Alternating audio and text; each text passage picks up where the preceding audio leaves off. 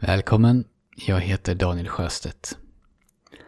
För att ha en chans att fungera någorlunda väl i samhället så behöver vi ju alla generalisera. Vi behöver ta den kunskapen vi har skaffat oss genom erfarenhet och använda den i situationer som uppkommer. Även om vi inte vet så mycket om den här specifika situationen vi befinner oss i just nu. Vi generaliserar för att förstå vår omvärld och för att underlätta för oss själva. Generellt sett så tycker tioåringar att korv är godare än fetaost och oliver. Så om jag ska arrangera ett barnkalas för ett gäng ungar som jag inte vet någonting om är möjligheterna till framgång större om jag serverar korv med bröd än om jag serverar grekisk sallad. Egentligen helt självklart och vi gör ju alla så här hela tiden. Men den som övergeneraliserar däremot, hon underlättar inte längre för sig själv utan hon försvårar för sig själv och begränsar sig själv.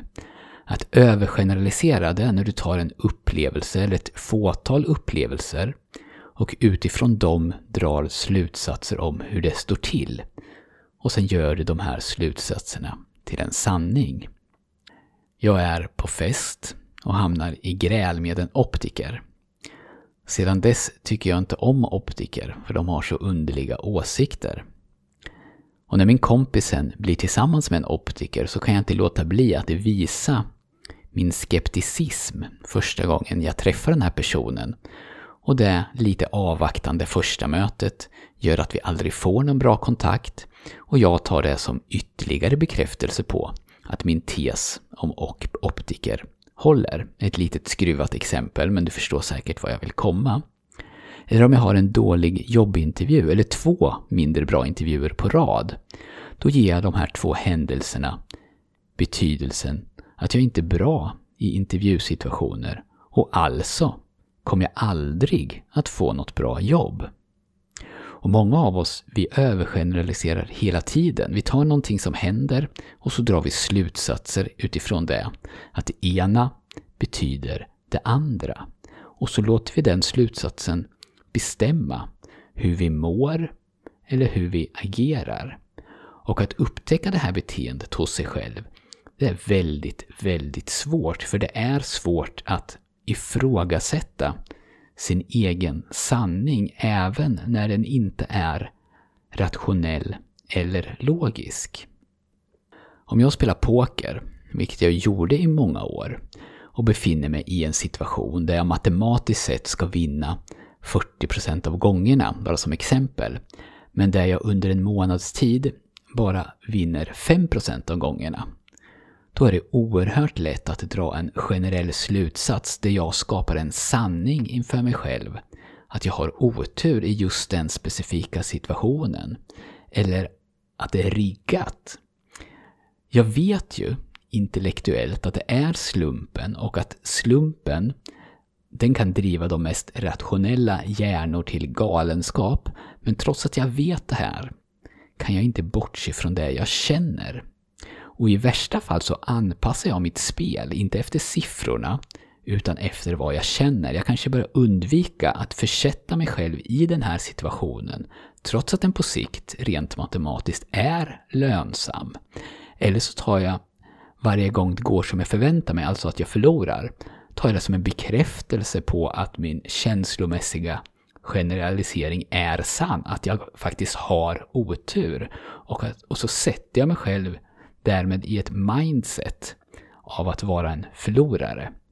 Vilket alla som sysslat med någonting resultatbaserat vet, det påverkar ju ens beteende i andra situationer också. Alltså jag börjar spela sämre. Det blir en självuppfyllande profetia. Och jag kanske också tolkar varje gång det jag vinner som ett undantag.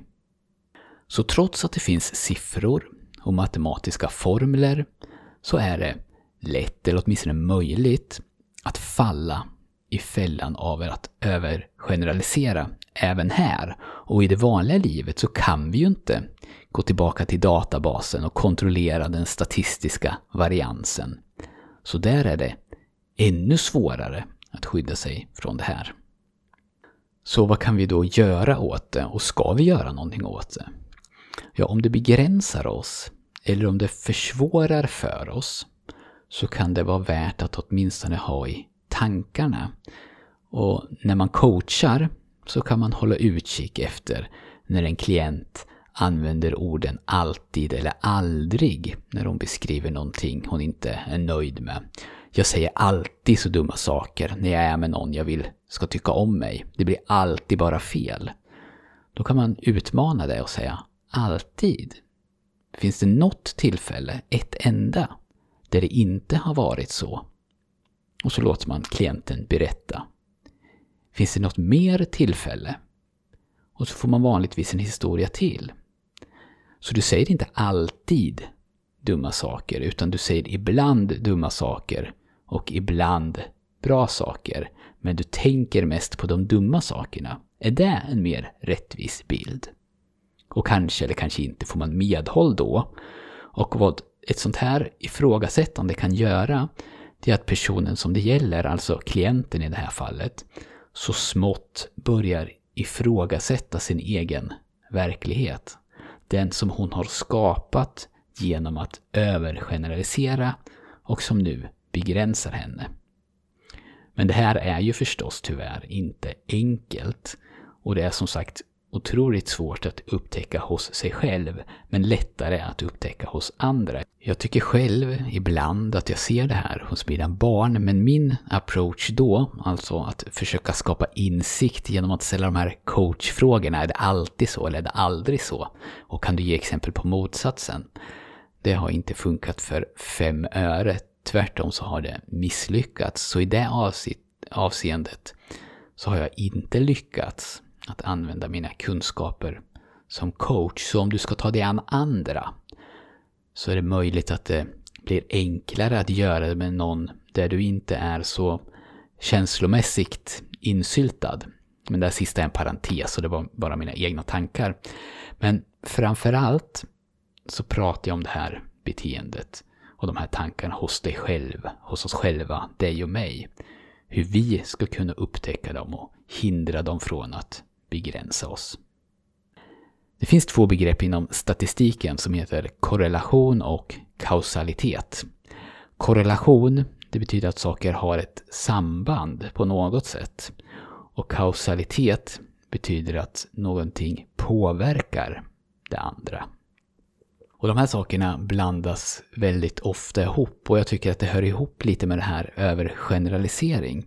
Det finns till exempel, med stor sannolikhet, en korrelation mellan tålighet för risk och framgång som investerare. Det vill säga att om du plottar alla som jobbar med investeringar i ett diagram där risk är på ena axeln och resultat, alltså hur mycket man har tjänat, är på andra axeln. Så kommer du att se att ju större risk de har tagit, desto mer pengar har de tjänat. Generellt sett.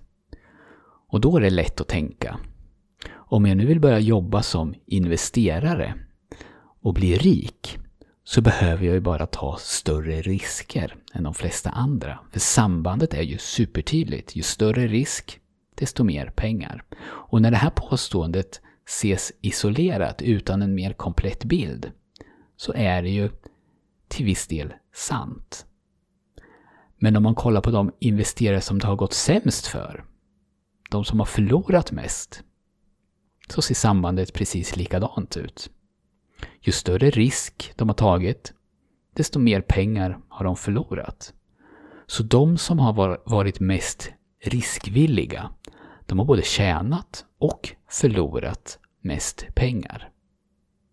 Så villighet att ta stora risker, det är en förutsättning om du vill bli rik på finansmarknaden.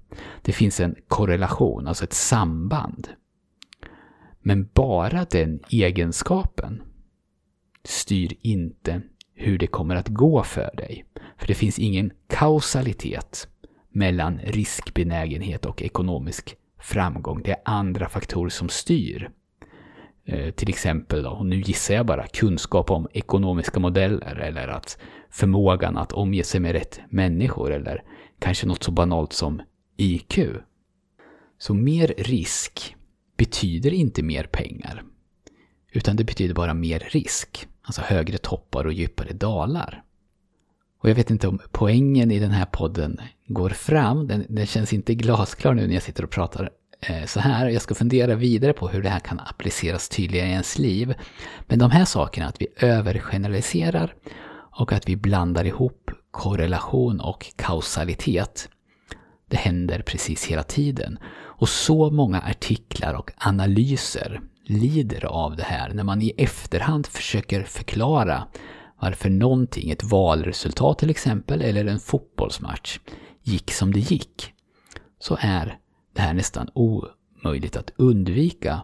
Men de här förklaringarna och analyserna, de har inget egentligt, egentligt värde förutom underhållningsvärdet eftersom jag kan välja vilken faktor jag ska dra en generell slutsats ifrån. Och om jag vill argumentera för att det är scenario A som gäller så väljer jag ut vissa faktorer. Och om jag vill argumentera för att det är scenario B som gäller, som är helt motsatt scenario A, välja ut andra faktorer. Och båda låter logiska när jag argumenterar. Hög risk leder till ekonomisk framgång. Och jag kan också argumentera för att hög risk leder till konkurs. Medan inget av det är sant. Alla av oss, vi är ju mer eller mindre fast i de här tankefällorna och i de flesta fall så spelar det nog inte så stor roll, tror jag. Men kanske kan vi bli lite öppnare, lite friare i tanken och se om vi någon gång, då och då, kan försöka hålla oss ifrån vår instinkt att generalisera eller döma eller bestämma hur någonting förhåller sig och varför. Två dåliga arbetsintervjuer, det betyder ju inte att jag aldrig kommer att få ett jobb. Det betyder möjligen att jag behöver träna på situationen att vara i en arbetsintervju. Kanske ta hjälp av någon som kan det. Och en optiker som både gillar hiphop och dansband och som vill återinrätta decemberöverenskommelsen men kryssade Sara Skyttedal i riksdagsvalet. Behöver jag kategorisera det som rätt eller fel? Behöver jag börja argumentera för att det är bra eller dåligt? Kan jag inte bara för en gångs skull låta det vara precis som det är? Du har lyssnat på Monkey Mindset med mig, Daniel Sjöstedt. Ta hand om dig och så hoppas jag att vi hörs snart igen.